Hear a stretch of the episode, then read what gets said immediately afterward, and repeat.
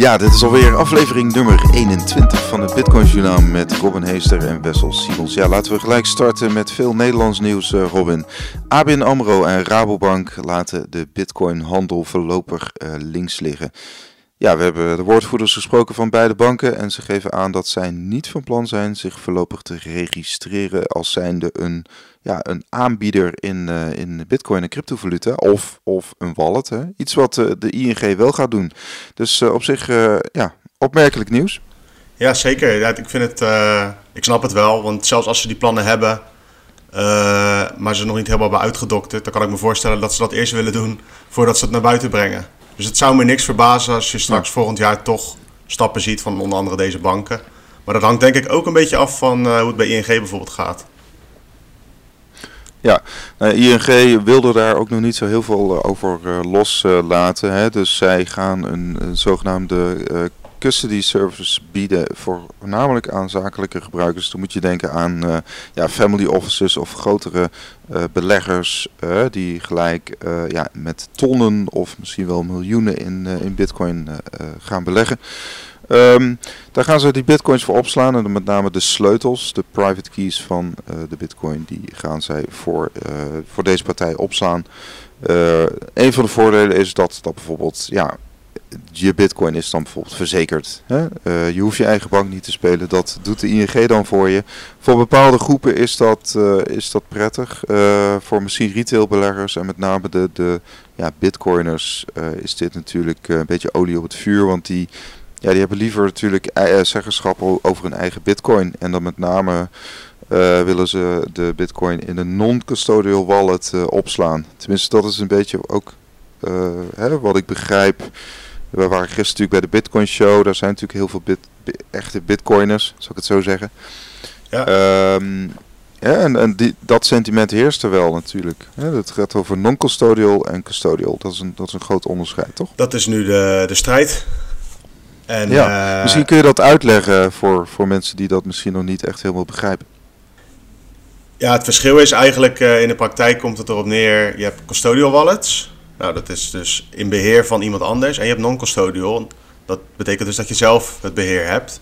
En wat dat eigenlijk betekent is puur dat de bitcoin echt van jou is. Dan heb je een non-custodial wallet. Dan sla je dus zelf op, ben je zelf verantwoordelijk voor je geld. En bij een custodial dan ben je dus afhankelijk van een partij. Maar die levert daar wel bepaalde diensten voor.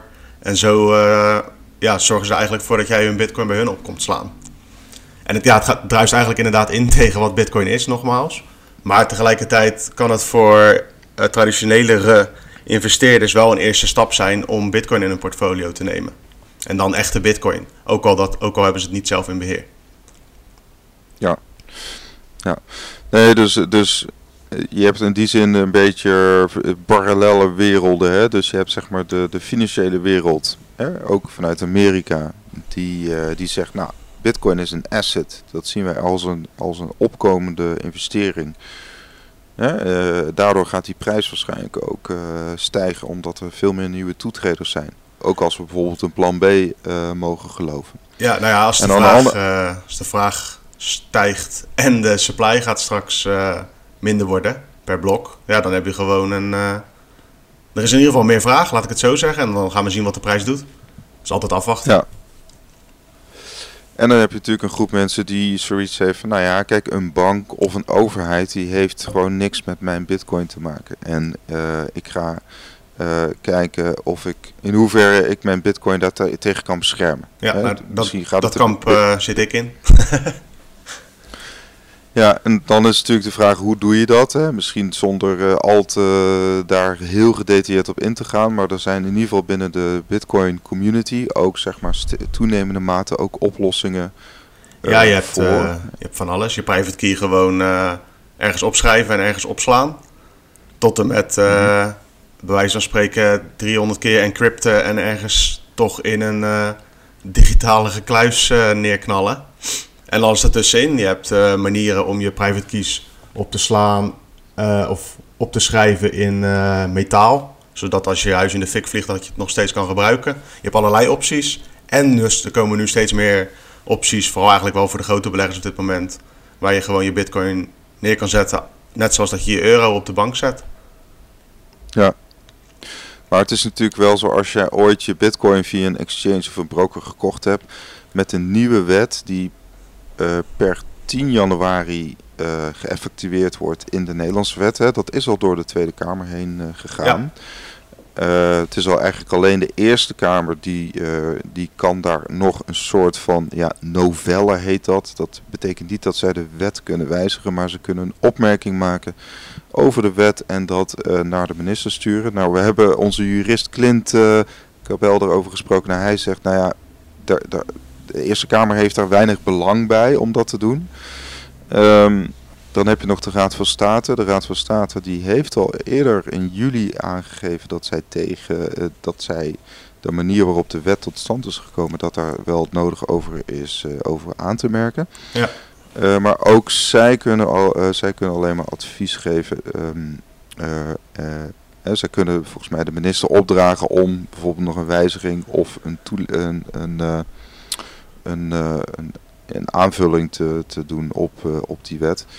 Um, met andere woorden, uh, er is dan nog wel een overgangsregeling. Dus formeel gezien uh, hoeven de Nederlandse cryptobedrijven moeten zij voor 10 juli 2020 zich registreren. Hè? Dus tussen 10 januari en 10 juli moeten bedrijven zich registreren en wordt ook hun management en personeel zeg maar helemaal doorgelicht. Ja, dus een soort, uh, soort ja, due diligence onderzoek, dat, dat hoort er ook bij.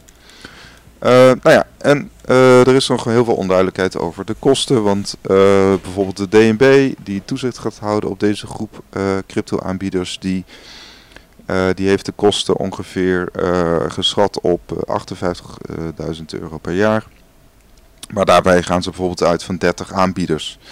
En het is, het is helemaal niet aan de orde dat, uh, dat er 30 Nederlandse uh, bedrijven of buitenlandse bedrijven zich gaan registreren. Dat dat er 30 zullen zijn. Tenminste, dat, dat, dat, als we nu naar de Nederlandse markt kijken, zijn dat er ongeveer 5 à 10 die aan deze eisen kunnen voldoen. Dus, um, nou ja, goed, dat is een beetje de achtergrond. Het heeft in ieder geval tot, uh, tot, tot, uh, tot gevolg dat een aantal nu al zeggen we stoppen ermee. Hè? Dat zijn nou niet de meest bekende bedrijven, maar goed, het is wel een signaal. Uh, CoinGarden, SimpleCoin en ChopCoin die, die stoppen ermee. En die eisen voordat ze gingen stoppen? Nee, nee, nee, ik ken ze niet. Nee, nee.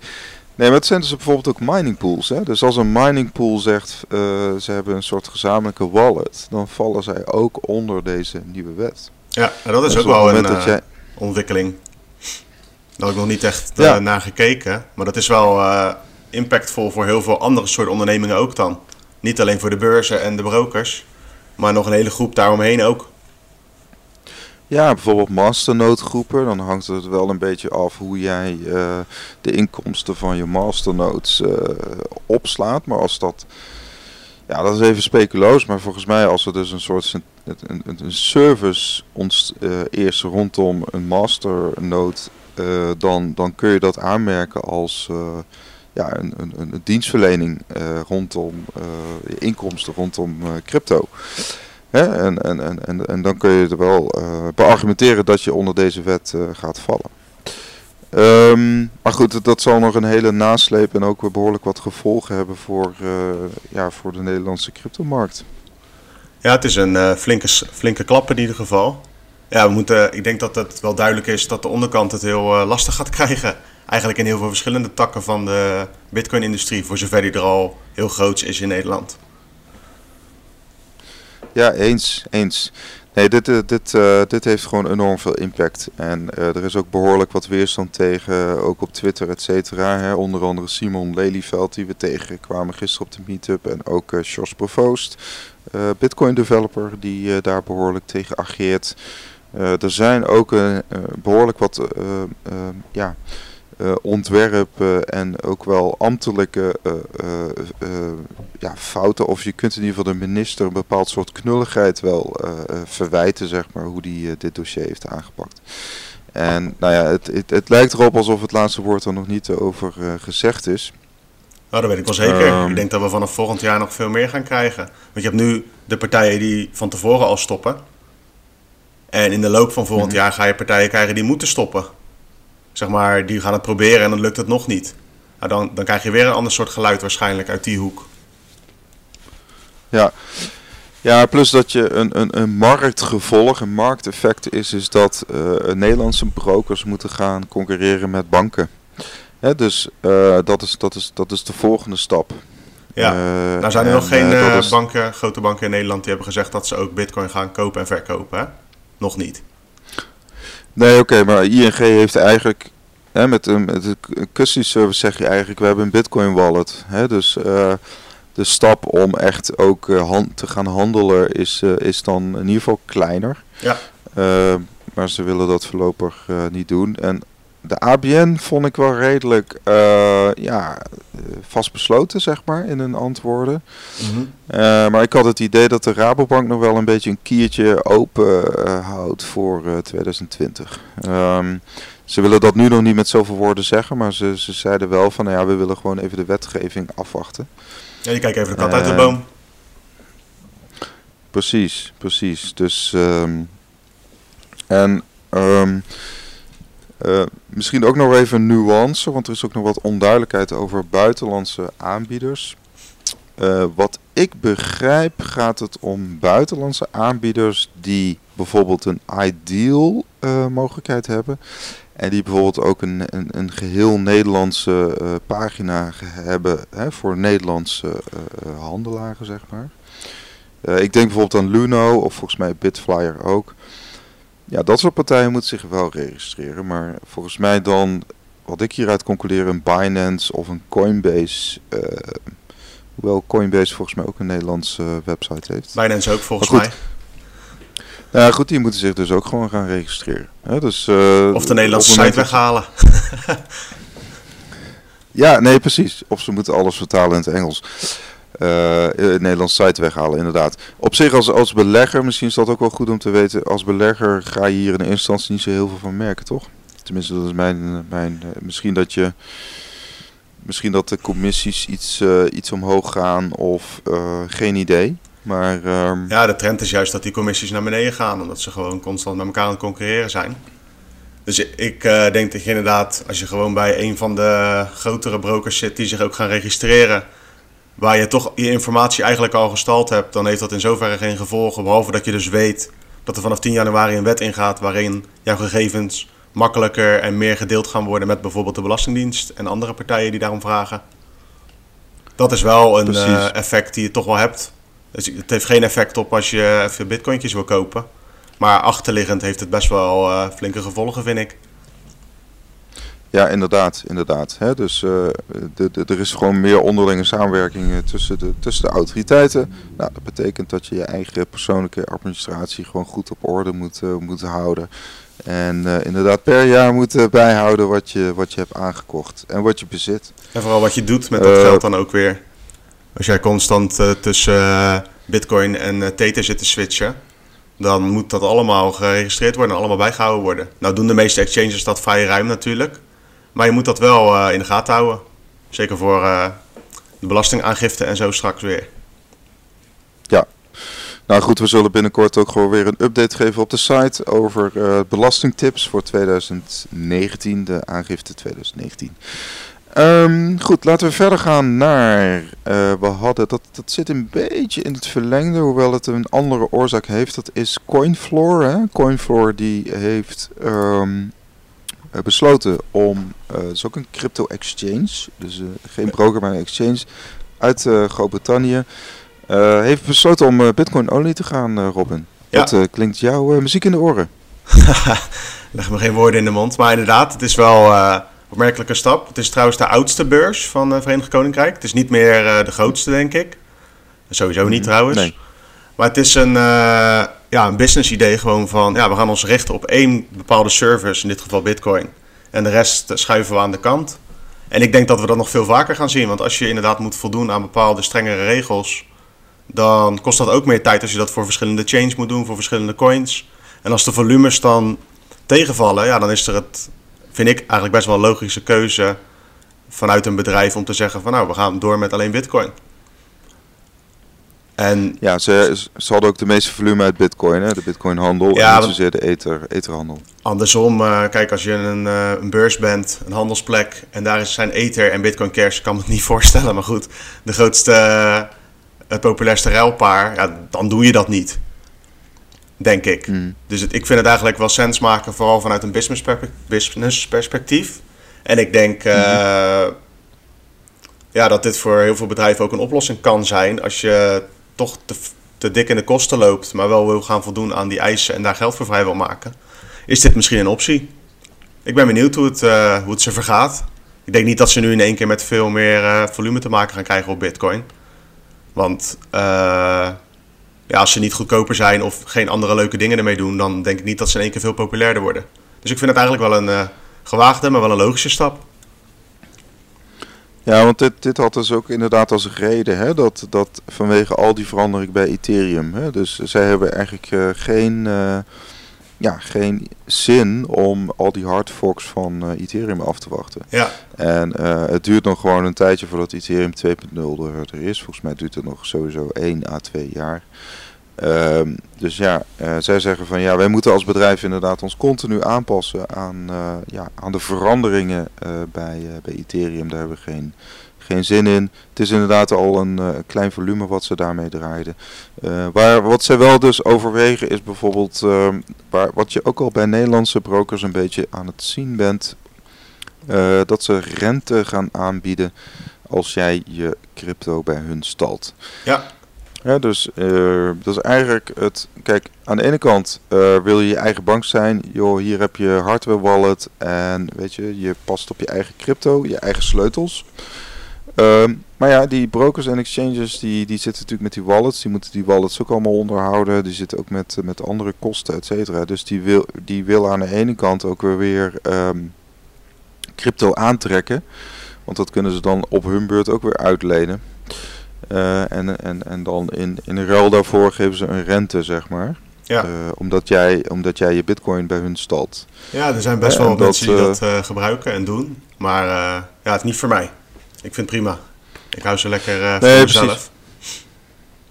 Nee, dat snap ik. Alleen, dat doe ik ook. Alleen, ehm, nou ja, goed, die rentes. Ik kan dat, dat, dat voor bepaalde groepen mensen denken van, nou ja, als ik nog 4, 5 procent op mijn bitcoin kan krijgen, uh, dan, dan ga ik mijn bitcoin ook weer uitlenen. Ja, als jij dat het risico waard vindt, want er zit natuurlijk altijd een risico aan, dan, uh, ja, dan is dat een uh, goede optie, denk ik, als je het toch laat staan. Ja. En zeker als je ook al klant bent bij die beurs en je wil daar toch ook bij wijze van spreken af en toe wat handelen en zo. Als je dan ook nog rente vangt op de bitcoin die je soort van niet gebruikt daar, dat kan wel interessant zijn, denk ik, voor bepaalde groepen. Ja, nou ja, goed, wij als redactie eh, kun je wel zeggen, wij adviseren altijd om in ieder geval uh, ja, het merendeel en het liefst eigenlijk het grootste deel of misschien wel het volledige deel van je crypto in eigen hand te houden en niet op een exchange uh, te laten staan. Ja, nu is het toch zo dat een groot deel, dat zien we ook wel eens op, uit de enquêtes zeg maar, hè, die we doen op, de, op Telegram, dat een groot deel toch zeker nog een derde heeft gewoon nog crypto op een exchange staan. Ja, dat zie je ook aan uh, de statistieken. Hè? Van, uh, was het 10 miljard aan bitcoin een tijdje terug dat bij de grootste acht exchanges stond? Zulke cijfers waren het uit mijn hoofd. Nou ja, 10 miljard aan bitcoin, dat is behoorlijk wat. dus uh, veel mensen hebben daar gewoon genoeg vertrouwen in, of vertrouwen zichzelf niet genoeg, of weten het eigenlijk niet dat het veiliger is om het zelf te doen. Ja, nee, precies. Nee, daarom. Dus, nou ja, goed. Je wil het uh, voor, voor bepaalde traders die even snel in en uit willen stappen of die echt meer heftig aan het traden zijn, uh, ja, zul je dus inderdaad, uh, um, zul je dus altijd wat crypto op een exchange moeten, moeten, moeten houden. Maar goed, voor de hodlers, voor de langere termijn kun je het beter in een, in een hardware wallet opslaan. Nou, we hebben we binnenkort ook op de site verschillende recensies, Robin van Hardware Wallets. Dus ehm, daar daar kan, uh, daar kan de lezer of de luisteraar alweer naar uitkijken. Yes, en via de webshop, uh, als je toch een Trezor of een andere hardware wallet gaat kopen, kan het via onze webshop en dan uh, steun je Bitcoin Magazine. Even een reclame dingetje tussendoor. ja. En misschien toch nog heel even in Engeland blijven, want ook uh, BottlePay die heeft aangegeven te stoppen. Hè? BottlePay is een, een Lightning app, kun je zeggen. Ja, service. Gewoon betalen via service inderdaad. En uh, dat was eigenlijk wel heel handig. Ook in onze Telegram chat dat je dus dan uh, wat je kon elkaar tips geven of donaties. Ik weet niet hoe je dat. Uh, maar goed. En dat, dat, dat ging razendsnel via, via BottlePay. Dat was eigenlijk wel leuk. Ja, het werkt, dus... het werkt als een trein. Het, was gewoon, het is een, een custodial wallet. Je stuurt daar Bitcoin naartoe. Hmm. Via het Lightning-netwerk kan je dus razendsnel transacties doen. En je kan dan een leuke reactie op social media of een andere of gewoon heen en weer sturen kan je razendsnel via die applicatie doen. Maar die gaan stoppen. Door de nieuwe privacyregels in 2020, eh, die dus 10 januari in Nederland ingaan. Ik weet niet precies hoe dat in Engeland zit. Nu zeker niet met uh, Brexit en aantocht. Ik weet niet hoeveel prioriteit dat daar heeft. Maar uh, ja, die stoppen ermee, want die willen niet uh, de klantgegevens verzamelen en al helemaal niet delen. Dus het is echt een principiële keuze van de ontwikkelaars om te zeggen van... ja, we stoppen er dan helaas mee. En ja, dit is, weer, dit is gewoon weer een effect van, ehm, van de nieuwe wet. Nieuwe wetten die eraan komen. En meestal hoor je dus dat het vanuit een business perspectief is. Van ja, we kunnen het niet bolwerken. En Bottlepay heeft gewoon gezegd, we willen dit niet. We zijn er principieel op tegen. Is wel een statement. Ja, en ik heb een geruchtje uh, gehoord gisteren tijdens de meetup. En uh, ik meen dat Bottlepay ook aan het kijken is of zij misschien in een ander land verder kunnen gaan starten. Oké. Dus dat, dat is nog eentje die, uh, die open staat. En uh, je zou ook kunnen kijken naar het open source. Hè? Moet er een en ander veranderen waarschijnlijk aan de achterkant. En dan, want als het open source is, dan is het makkelijker te verspreiden en dan kan het bijna niet gestopt worden, zeg maar. Maar zover is het denk ik niet. Dus dan zou een logische stap zijn om te kijken naar een land waar ze wat uh, gunstiger uh, gezind zijn. Dat hoeft misschien niet eens in Europa te zijn. Nee, precies. Nou ja, dat is een beetje hetzelfde model als uh. Hè? die zitten ook in een land in Europa trouwens. Maar zijn ook gewoon helemaal open source. En, maar willen niet voldoen aan zeg maar, de Europese regelgeving op het gebied van KYC en AML. in tegenstelling tot local bitcoins bijvoorbeeld. Uh, zij hebben ook gezegd van, nou ja, goed, op het moment dat wij aangepakt worden, dan uh, hier is onze technologie, dan kan iemand anders uh, verder. En het schijnt dat inderdaad buiten Europa er genoeg belangstelling is voor, ja, voor die technologie. omdat met name die peer-to-peer exchange bijvoorbeeld in Afrika, die slaan wel aan. Hè? Ik bedoel, Paxful die komt ook met nieuwe cijfers binnen, waarin ze gewoon enorm gegroeid zijn qua volume. Ja. en en dat, dat is gewoon echt een use case. Hè? We hebben bijvoorbeeld Dan Moorhead gehad van Pantera Capital, nou die noemde dat ook. In, in Afrika heb je gewoon, ja, heb je gewoon hele, hele volkstammen, bewijs van, ja niet letterlijk, uh, die gewoon geen, uh, geen bankrekening hebben. Ja. dus die, die zijn heel erg gebaat bij peer-to-peer -peer, uh, exchanges.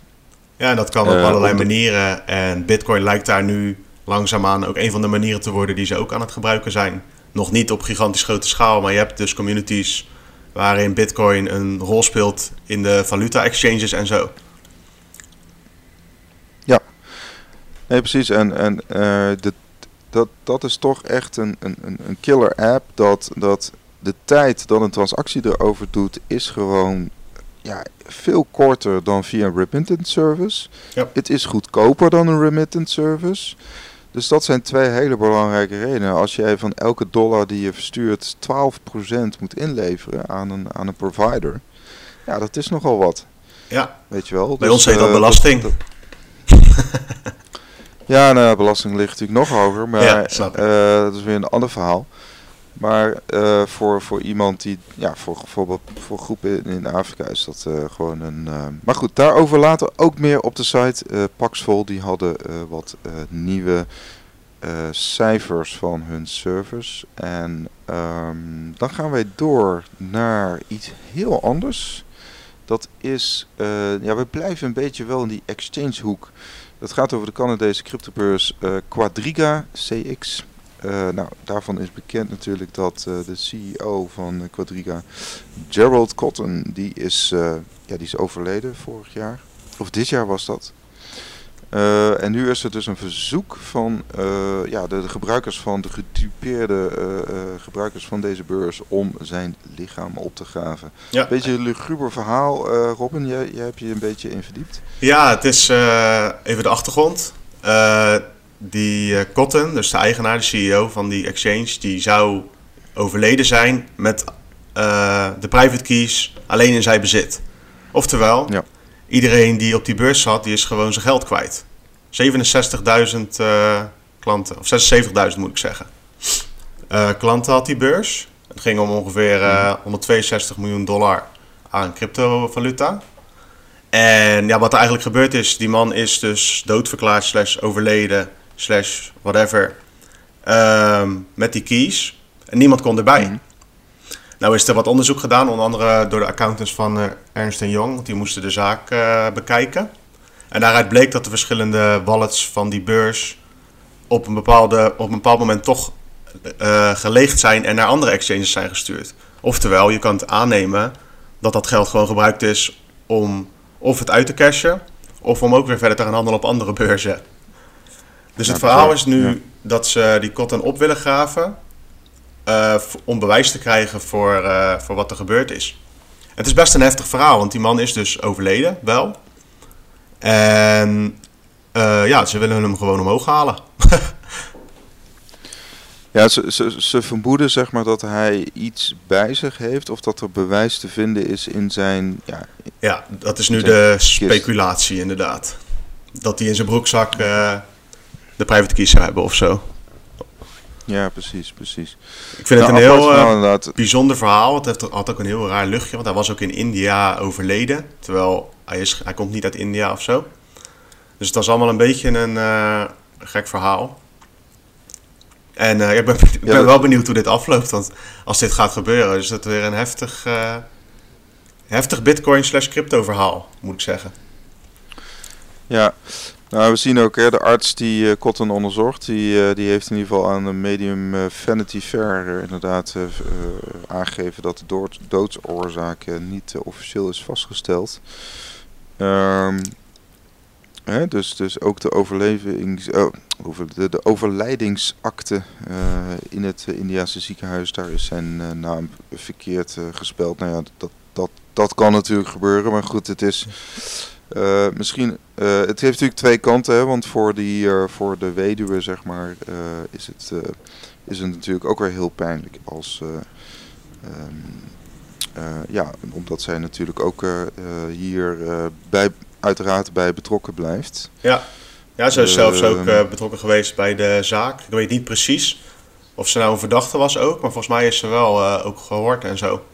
Over de mogelijke ja plek en locatie van die uh, private keys. Ja. Het is een uh, ja, verhaal, ja.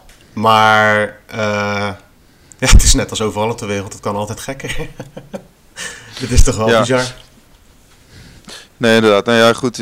Op het moment dat je denkt, dit, dit gaat niet meer gebeuren in de cryptowereld, dan, dan komt er toch weer een verhaal boven. Uh, dus uh, wat dat betreft is dit wa waarschijnlijk niet het laatste nee. opmerkelijke verhaal in deze wereld. Gelukkig niet voor ons. nee, want eigenlijk wat we vergeten zijn, uh, uh, Robin, is natuurlijk ook nog de plus token scam. Ja. Misschien is dat nog wel eentje die we, die we erbij kunnen voegen. Ja, dat is die enorme scam in China waar enorme, ja, zeg maar via een oplichtingszaak, enorme hoeveelheden crypto zijn. ja, bitcoin en ether met name. En Bitcoin en ether. gaat zeg maar het sterke gerucht, je hebt een uh, Twitterbot, Will Alert heet het geloof ik. Die tweet uh, gekke en grote transacties van de verschillende grote blockchains. En een van de adressen die gelabeld was van de Plus token, die heeft in één keer, weet ik het hoeveel, uh, aan miljoenen aan ethers verstuurd naar een onbekend adres. Dus dat houdt de gemoeder een beetje bezig, want misschien gaat hij dat op de markt dumpen. En datzelfde, datzelfde gevaar tussen aanleidingstekens geldt ook voor Bitcoin. Want uh, de Plus Token heeft nog heel veel Bitcoin in kas. En ze schijnen ook al een x aantal tijd dat aan het dumpen te zijn. Maar die cijfers heb ik nog niet gezien. Jij wel? Ja, ja, het gaat om 25.000 bitcoin. Die, die is al verkocht via de OTC-markt, weliswaar. Oké. Okay. Uh, maar uh, naar verluid, hè, dat is een onderzoek van Chain Analysis. Dat is dus een ja, bureau die ja, die, die, die, die kan al, zeg maar, alle transacties op openbare ledgers uh, gewoon uh, naar voren trekken en helemaal uh, destilleren, zeg maar. Ehm, ze hebben nog 20.000 bitcoin in handen en 790.000 ether. dus um, Ja, en, en, en ze hebben het in, in die mate, zeg maar, um, ja, verstopt op de blockchain dat, dat, dat, ja, dat ze daar nog niet achter zijn. Hè, dus, um, nou ja, goed, dat, dat, dat, houdt de markt wel bezig. Het is een beetje zo'n Mount Gox verhaal. Hè, dat dat, dat zo'n Mount Gox, daar is ook nog niet echt een settlement in. wanneer die gelden worden uitbetaald. Ja, er zijn een x-aantal partijen die gewoon flink wat bitcoin hebben en die daar eigenlijk van af moeten, noodgedwongen of niet. Dus, uh, ja, dat hangt, nog, dat hangt nog boven de markt. Hè? Dus daar, daar moet je als, als, als marktvolger wel rekening mee houden. En ook als belegger. Dat, uh, er, er komen nog een paar van die shocks aan. Ja. Uh, dat, dat, dat, dat is on, onmiskenbaar. en de plus token shock die komt aan. En de Mt. Gox shock die komt eraan. Of dat nu nog dit jaar gebeurt of, of misschien de komende jaren, dat, dat is onduidelijk. We hoeven niet in paniek te raken, want misschien gaat het allemaal heel lief met heel kleine getalen. Maar we moeten wel rekening mee houden met dat dat niet het geval is natuurlijk. En hoe je dat doet, dat ja. moet je uiteindelijk gewoon zelf bepalen. Maar het is wel belangrijk om in je achterhoofd te houden dat er dus meer partijen zijn met best wel wat bitcoin die die gewoon vanaf moeten. Ja. Nou goed, de theorie van de onderzoekers van Chain Analysis is dat uh, nou, de plus token uh, jongens, oplichters, die hebben gezorgd voor de dip hè, dit jaar. Want als we terugkijken, Robin, naar dit jaar, dan is dat toch wel opmerkelijk aan de prijs. Dat, uh, dat, dat, dat we zijn sinds eind juni behoorlijk in, in de correctie. Nou, het schijnt dat dat inderdaad met name in de maand september... hebben ze daar transacties van? Dat je kan zien van, nou, zoveel bitcoin is er toen naar een exchange gegaan of iets? Ja, ja in, dat, ja. Uh, in het bericht staat hè, uh, dat, uh, dat ze bepaalde volumestijgingen zien bij, bij de Wobi, Wobi beurs. Ehm, dat is toch wel een redelijk grote beurs inderdaad. En nu, nu is in ieder geval de theorie dat een deel van, de, van die bitcoin, die 25.000 bitcoin, dat die dus inderdaad via de Wobi-beurs is gedumpt. Ja, en een deel naar uh, OTC-brokers, toch? En een deel naar OTC-brokers, inderdaad. Uh, dus, um, nou goed, er staan in ieder geval in, in het, dat zullen we ook wel even linken, dat artikel staan een aantal mooie grafieken inderdaad. Oh ja, ik heb het nu ook voor me. Dat, is een flinke, dus, dat was een flinke bezigheid. Ze hebben ook met een grafiekje laten zien van welke maatregelen er constant genomen werden om die coins zo anoniem mogelijk weer te krijgen. En dat is een hele slinger aan punten wat ze hebben gedaan. Verschillende adressen, exchanges, OTC-brokers, mixers. En dat allemaal uiteindelijk ook langs, uh, langs de exchanges om het eruit te krijgen. Nee, precies. Dus uh, nou ja, goed, dit, dit, is nog steeds uh, aan, de, aan de orde natuurlijk. Dit, eigenlijk net zoals je kunt zeggen, oké, als we kijken naar de grote hacks, dan, dan dit jaar, dan kijken we ook natuurlijk naar Binance. Dat ging toen destijds uit mijn hoofd ook om 7000 bitcoin. Weliswaar een stuk minder, maar toch destijds was dat uit mijn hoofd iets van 40 miljoen of zo. Ja, flink geld in ieder geval. Nou ja, die, die zijn ook nog niet terecht. Hè? Dus er de, de, de zijn, er zijn er zijn nog steeds slinkse manieren om, uh, om een beurs te hacken en dan uh, toch die bitcoin gewoon, uh, yep. ja, gewoon te verstoppen, zeg maar. Je moet er wel je best voor doen. Ja. Dat wel. En, en ja, je, je, kunt zeggen, ze maken van, misschien wel van dezelfde technieken gebruik als bitcoiners die aan hun privacy hechten. Dat is, is, ook. Dat een ja, dat is zo. Als het werkt, uitspraak. Als het werkt voor criminelen, dat betekent dat het ook werkt voor andere mensen. Voor mensen die ja. zich ook aan de regels houden. Ja, dat is wat het is. Ja. Bitcoin werkt zo. Nee, precies. Nee, inderdaad, inderdaad. Goed, uh, we blijven de regelgeving in Nederland uh, op de hoogte houden. We blijven alle uh, technische ontwikkelingen op de hoogte houden van, van Bitcoin. Het, uiteraard, 2020 staat een teken van de helvening. Die gaat in ieder geval 14 of 15 mei, medio mei, plaatsvinden in 2020. Yes. Heb jij daar nog bepaalde verwachtingen van, Robin, op dit moment? Want als, nee, we, als we kijken bijvoorbeeld naar... Nee, ik heb nee helemaal niet? Nee, niet voor de prijs in ieder geval. Wat ik vooral heb... Uh, is dat ik benieuwd ben wel hoe de miners erop gaan reageren. Dat is altijd wel uh, een dingetje, denk ik. Want ja, die mm. er gaat gewoon de helft van de blokreward gaat eraf. Heb je een andere omzet en dan kan je dus misschien ook minder kosten draaien, et cetera. En ik ben eigenlijk wel ja. gewoon benieuwd. Uh, ja, het zorgt vaak, denk ik toch, voor. Want de eerste keer was ik er wel net bij, maar die heb ik niet echt gevolgd, actief. Of de tweede moet ik zeggen, de tweede halvening. En nu voelt het eigenlijk een beetje alsof er een soort van nieuwjaar aankomt. Dan, want iedereen gaat ook uitpakken met specials en zo. Je weet gewoon hoe dat gaat zo meteen, alle media. En dat wordt gewoon leuk. Ik kijk er wel naar uit. Nee, het, nou ja, het wordt sowieso leuk. Maar het, het, het, het gaat... Uh, we hadden gisteren natuurlijk een stukje over die miner Kanaan, Kanaan Creative Mining, uit, ook uit China inderdaad. Uh, er is een enorme concurrentie gaande tussen die mining, uh, die, die, die mining apparatuur, die fabrikanten zeg maar daarvan. En uh, die helfening heeft daar eigenlijk ook wel toch wel mee te maken, omdat um, dat is misschien een beetje een ingewikkeld verhaal, maar die block rewards gaan natuurlijk naar beneden. Dat heeft ook weer effect op de rekenkracht van het netwerk. En dat heeft dan ook uiteraard weer effect op de apparatuur die je als alleen, ma miner hebt. Dat heeft alleen effect op de rekenkracht van het netwerk, of van de rekenkracht die meedoet aan het netwerk, als de miners stoppen. Mm. Dat hangt er vanaf van uh, hoe duur het blijft, of hoe duur het wordt om een bitcoin te minen. Het is niet zo dat als de halving er is, dat het per, per definitie de hashrate naar beneden gaat.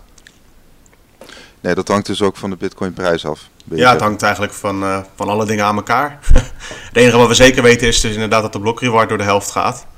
En dan uh, is het aan de prijs en de markt en de miners en gebruikers en de rest om te kijken hoe we erop gaan reageren met z'n allen. Ja, nou ja, je hebt natuurlijk wel gezien bij uh, Litecoin dat, dat die, die hashrate die nam 30, 40 procent af. dat, ja, maar dat, dat is Litecoin omdat, toch? Om, Nee, klopt. Dat is inderdaad Litecoin. Uh, maar goed, het, kan zijn dat mensen daar wel uh, parallellen uh, gaan trekken, zeg maar. Doordat ze denken, nou ja, goed, een, een mogelijk risico is, is dat miners gaan afschakelen. Ja, maar een beetje miners afschakelen is ook niet erg. Hm. ja, dat kan gebeuren. Even een dipje. Dat hoort er ook bij. Dat is al vaker gebeurd. Maar hoe werkt dat dan precies? Hè? Dus op het moment dat bijvoorbeeld miners gaan uh, afschakelen, dan uh, pakken andere miners dat weer op. Hè? Zo werkt dat. Uh, nou ja, de difficulty wordt één keer in de twee weken om het x aantal blocks, weet even niet meer hoeveel, aangepast naar de hoeveelheid hashrate die het netwerk heeft. Dus als er minder miners zijn en dus minder hashrate wordt geleverd, dan wordt er op een gegeven moment een, opnieuw een berekening gemaakt van hoe moeilijk het is om een blok te vinden. Dus het, netwerk past zich aan. Dus in het ergste geval, zeg maar, als er uh, na de halvening in één keer een uh, grote smak zegt 10, 20 procent zou stoppen, dan hebben we eventjes een wat langzamer, langzamer netwerk, doordat de bloks wat trager gevonden worden. Maar binnen, hmm. binnen twee weken, als het goed is, tenminste binnen een x aantal bloks, wordt dat weer gereset. En dan hebben we gewoon, dan gaat het weer om de 10 minuten een blok gevonden worden. Alleen, het netwerk was op een gegeven moment eventjes wat sterker. Maar dat betekent in dat opzicht niet zoveel, behalve dat het ook weer kansen biedt voor nieuwe miners. Want die kunnen dan misschien wel net aanhaken, omdat ze net een groter gedeelte van de taart kunnen pakken. Ja, oké. Nou, interessant, want uh, die neemt wel echt wel uh, de lead uh, op zich in, in de markt op dit moment met allerlei wilde aanbiedingen. Ehm, ik, ik, ik kijk in ieder geval uit naar de helvening. Ook naar gaat het model van Plan B het houden, zeg maar. Dat vind ik wel een, een, een leuke vraag om, om in de gaten te houden. Um, nou, Jullie kunnen naar bitcoinmagazine.nl voor het dagelijkse Bitcoin nieuws. En je kunt naar alle socials uiteraard. En we hebben een hele gezellige Telegram groep. Waar we regelmatig ook uh, ja, nieuwtjes delen natuurlijk. Maar ook uh, ja, wat adviezen geven. Of uh, nou, gewoon ook gewoon gezelligheid.